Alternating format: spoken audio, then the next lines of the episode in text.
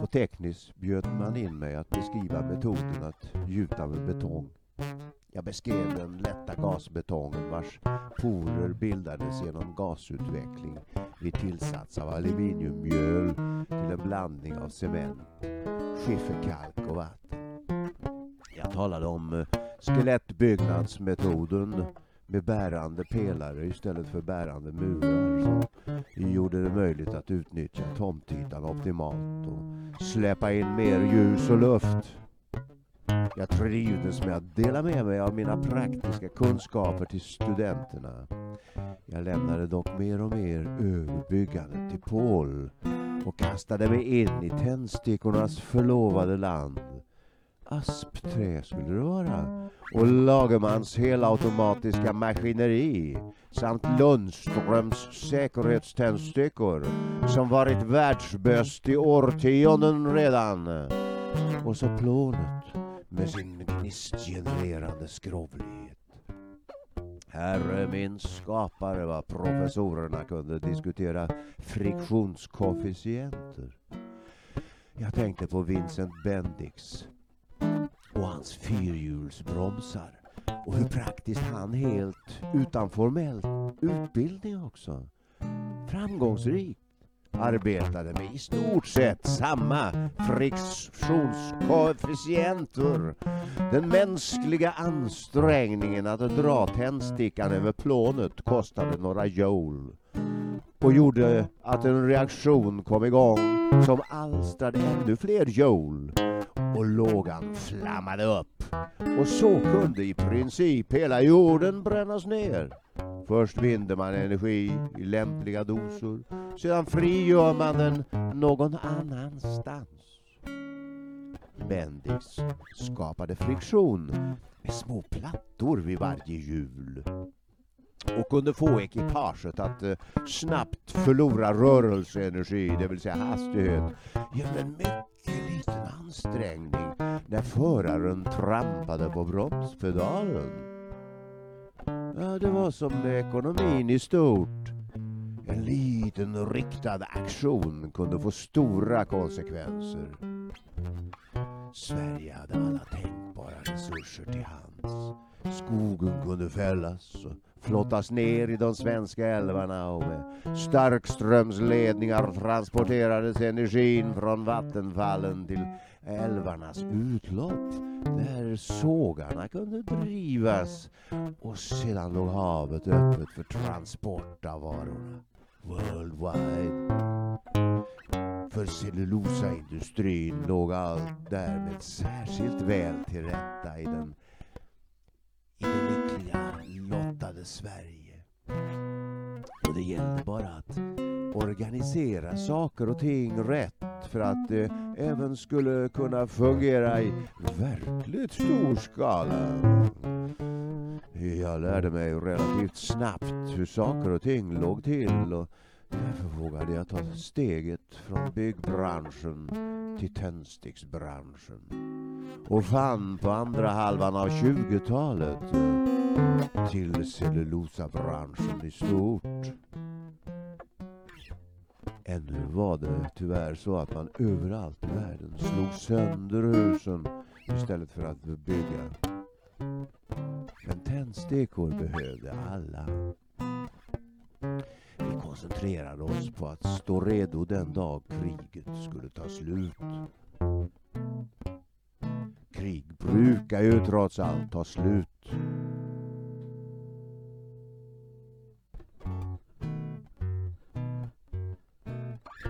Det här var ett fruktansvärt utdraget krig. Stadsbefolkningarna hade det svårt när över hela Europa. Total osäkerhet, bomber och granater. Det rökfria Nobelkrutet och Åsens granater gick som smör i solsken. Många handlade i sprängämnen. Nollenburg Bolaget Kväveindustri till exempel såg affärsmöjligheterna och gick in och köpte ett patent i utkanten av tekniken för framställning av kväve ur luft. och satte igång vid Rukans mäktiga vattenfall. Det var energiknippet Sam Eide som jag senare kände vittringen av i Warszawa. Obestridd industriledare. Och där fanns det gott om elenergi och varje år skrevs värdet på bolaget upp och hävdade att ingenjör Torssells patent hade blivit mer och mer värt. Men inte ett hekto sprängämne lyckades de sälja. Birkelands metod var överlägsen. Det var dessutom amerikanernas TNT som var the name of the game. Uppvärderingen av bolaget var en bedräglig omvänd goodwill. Det borde ha gått i konkurs istället för att ha uppvärderats. Häradshövdingens affärsmoral var sannerligen omvänd den också. Och dubbel. När en järnhård farfar Nollenburg drog runt upp och la under sig bruken visade han samma metod som bankmän genom tiderna övat upp till briljans. Locka in människorna i lugn och trygg förvissning om att den rätta tiden för investeringar är inne och låna ut pengar med pant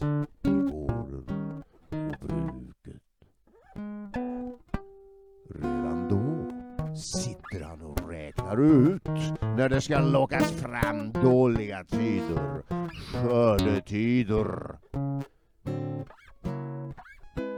När freden kom fortsatte Nollenburgarna det ekonomiska erövringskriget och var förberedda på att industrin måste genomgå upprivande omställningar när helt nya produkter kom att efterfrågas och det militära efterföljdes av det civila.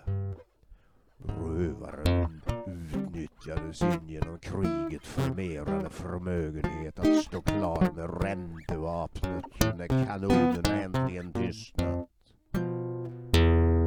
I Telemark och Västfold kom Nollenburgarnas skördetid när ekonomin plötsligt brakade ihop där ett par år efter krigsslutet.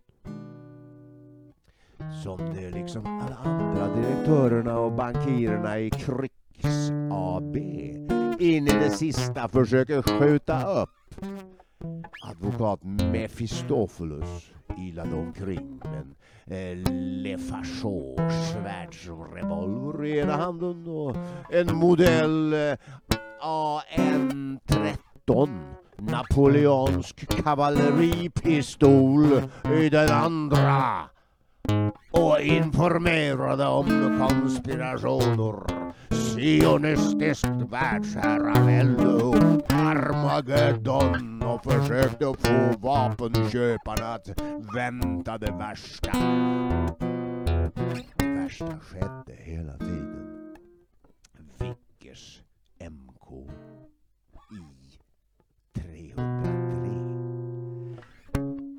spottade eld efter en salva var luften fortfarande klar. Och det gick att skjuta igen och igen och igen. Antalet stupade kunde med dessa snabba kulsprutor, rökfritt Nobelkrut, Åsens granatsplitter och TNT bli närmast astronomiskt. Vi la trots salvor och bomber och upphetsat snack relativt lugnt upp vårt lager. Och vi upprätthöll diskret eh, de internationella kontakterna genom hela 1800-talet.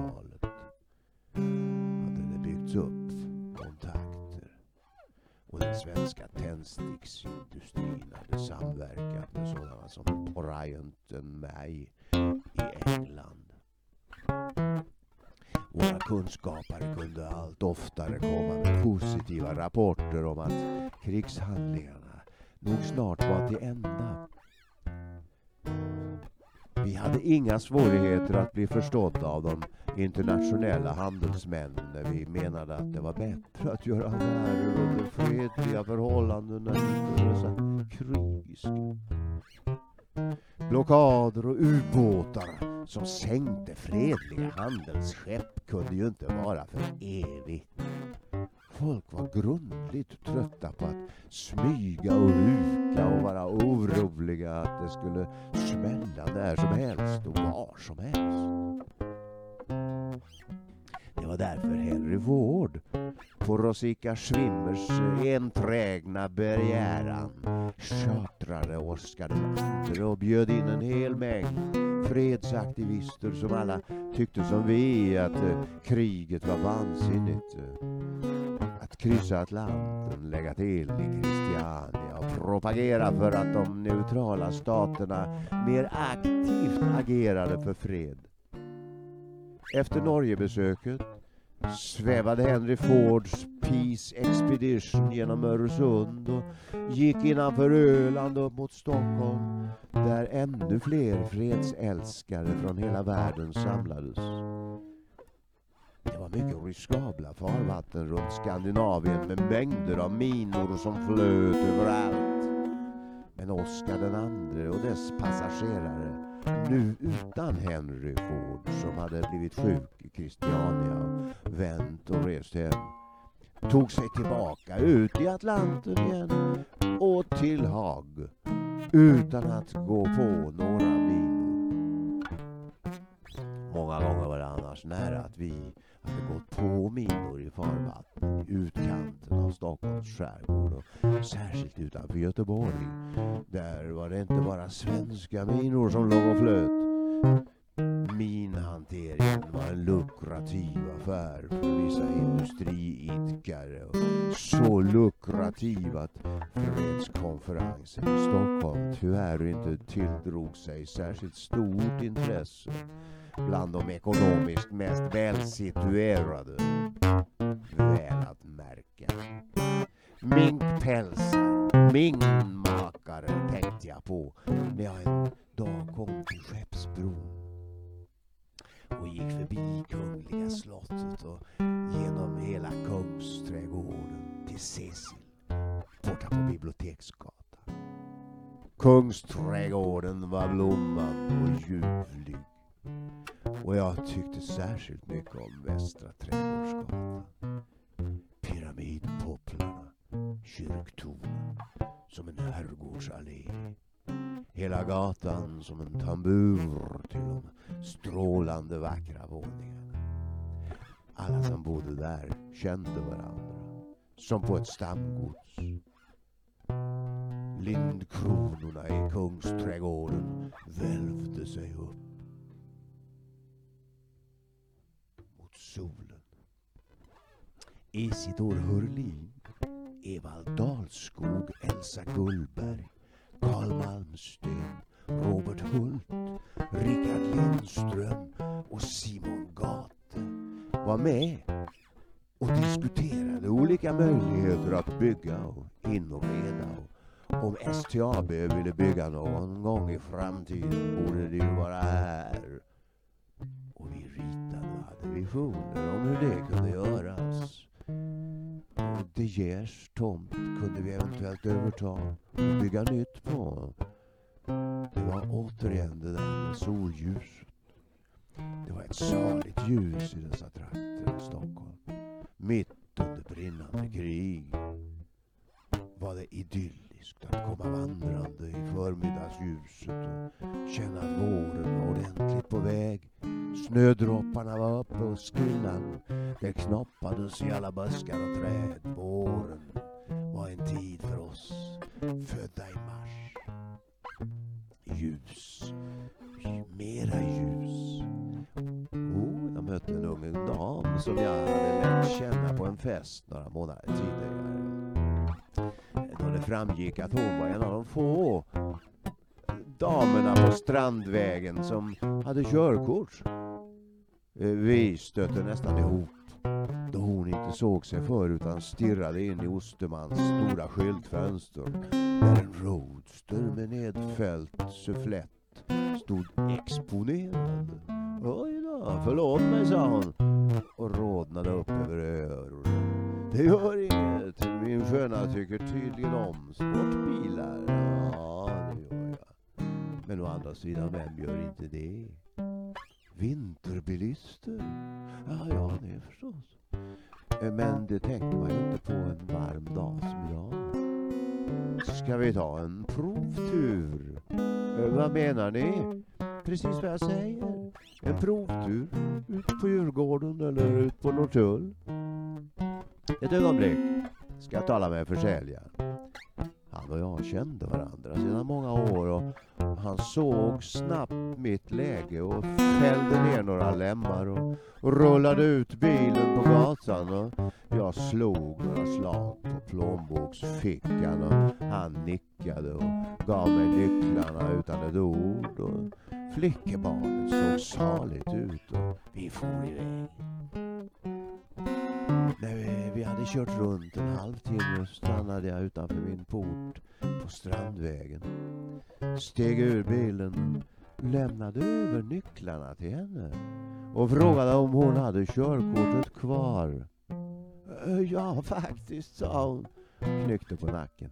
Varsågod, då är bilen er. Ja, men det går inte. Vad ska pappa säga? Pappa? Vad har han med saken att göra? Jo, men alltså, vad ska... Hennes ögon var stora och vackra häpnader. Ring mig om det blir några problem med bilförsäkringen. Jag skrev henne ett kort, stegade in i porten och åkte upp i min våning. Eva hade tydligen inte tagit tidningen och den låg innanför dörren. Rubrikerna braskade om genombrott i de inledande fredsförhandlingarna. Att man kommit överens om eldupphör.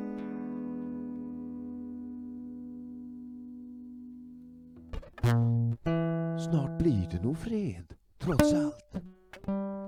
Det kändes mycket bra. Och jag ringde genast Christer och vi spände musklerna. Tog ett turkiskt bastubad på Sturebadet och trimmade in oss och finslipade planerna. Med den nya telefonin var allt möjligt. Med alla de nya kablarna som kunde läggas ut när torpederna inte längre hotade i alla fall och att den skulle det ju gå att ringa till en bank eller en börs var som helst i världen och ta reda på vad som hände inom olika sektorer av ekonomin. Självklart skulle det bli en revolution inom värdepappershanteringen. Vi stod redo med en väl utarbetad plan och introducerade STAB samtidigt på Londonbörsen och på Wall Street som man hade accepterat i styrelsen och alla var entusiastiska och otåliga att få sätta igång. Det var som en skock ungtjurar som ville ut på grönbyte.